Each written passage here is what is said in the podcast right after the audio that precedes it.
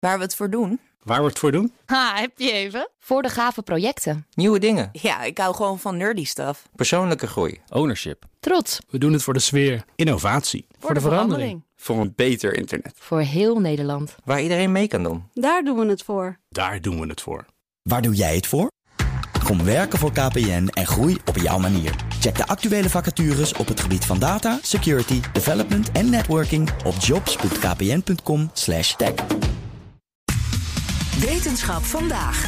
Onderzoeksinstituut TENO heeft een technologie ontwikkeld waarmee heel efficiënt CO2 afgevangen kan worden en waarmee tegelijkertijd dan blauwe waterstof kan worden geproduceerd. Dat klinkt mooi. Wetenschapsredacteur Carlijn Meinders, goedemiddag. Met welk idee zijn ze dit gaan ontwikkelen? Ja, dat gebeurde uh, vanuit de energietransitiegedachte. We weten natuurlijk niet pas net dat er iets gedaan moet worden aan CO2-uitstoot.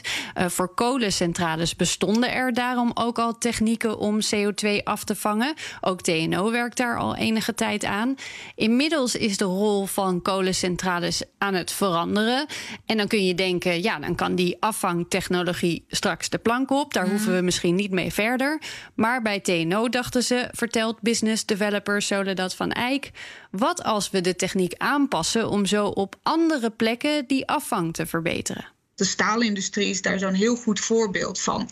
Waar heel veel CO2 wordt uitgestoten. Maar om die op een hele andere manier in te richten, dat vergt veel meer uh, technologie en aanpassing en investeringen dan uh, voor de elektriciteitssector zoals we dat nu zien.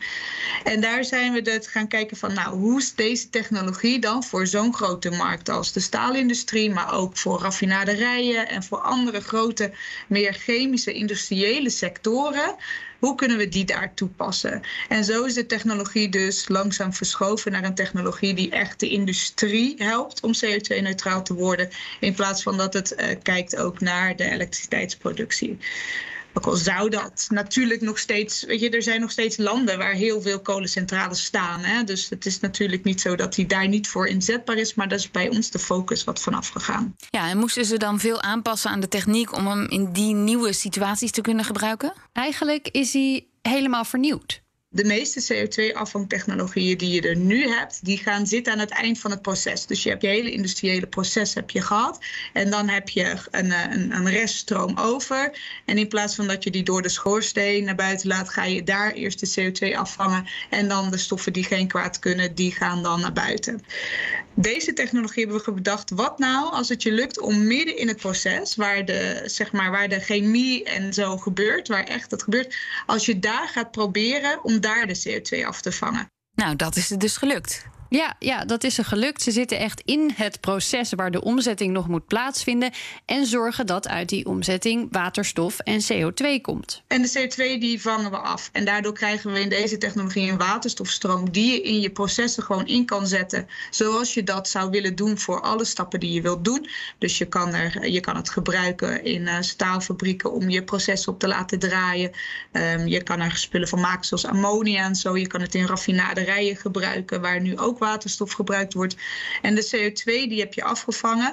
Ja, en daar is dan wel het idee van dat je die kan je misschien een gedeelte hergebruiken. Maar vooral voor dit soort grote industrieën is toch gewoon transport en opslag de oplossing om te zorgen dat echt de CO2-emissies niet in de atmosfeer komen.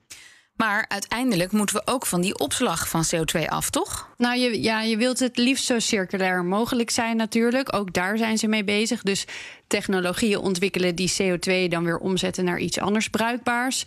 Maar deze technologie richt zich dus op zo efficiënt mogelijk afvangen en een zo zuiver mogelijk product maken. En kan die nieuwe technologie dan ook in bestaande fabrieken gebruikt worden? Uh, ja, er, er, moet wel een beetje wat gebeuren. Uh, dat is niet in een paar weken geregeld, want de uiteindelijke installatie wordt aardig groot. De demo-installatie in Nederland heeft al zes kolommen van zes meter hoog en zes centimeter in diameter. Okay. In, in Zweden hebben ze succesvol een test gedaan in een staalfabriek al. Dan is zo'n kolom al 10 meter hoog en 40 centimeter in diameter. En dat is nog een kleine installatie. Uh, nu wordt er alweer groter gedacht. De volgende stap is 50 kiloton CO2 per jaar afvangen. Dat is nog niet de totale uitstoot van een staalfabriek. Maar lukt dat ze, dan hebben ze in ieder geval wel laten zien dat dit op elke schaal zou moeten kunnen. Klinkt ook niet echt goedkoop, Carlijn. Nee, nee, het vraagt zeker om, uh, om behoorlijke investeringen. En TNO is natuurlijk een onderzoeksinstituut. Dus als de technologie eenmaal klaar is, ja, dan zal de industrie daar ook uh, aan moeten gaan bijdragen. Maar voorlopig gaan de tussenstappen, zoals de test in Zweden, dus goed.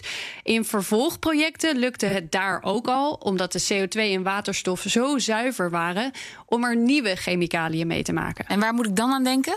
Uh, ze hebben uh, er al 25.000 liter methanol meegemaakt, waar een veerboot vervolgens op kon varen. En dat werkt dus allemaal. Dus het is niet alleen meer op het lab, het werkt gewoon met echte gassen. En we kunnen ook producten maken die goed zijn. Nou, wat wordt dan nog de grootste uitdaging nu? Ja, eigenlijk uh, snel genoeg doorontwikkelen om die energietransitie bij te houden. Maar ook zorgen dat de techniek wel echt zorgvuldig wordt getest. Dat die helemaal veilig is, zo efficiënt mogelijk is.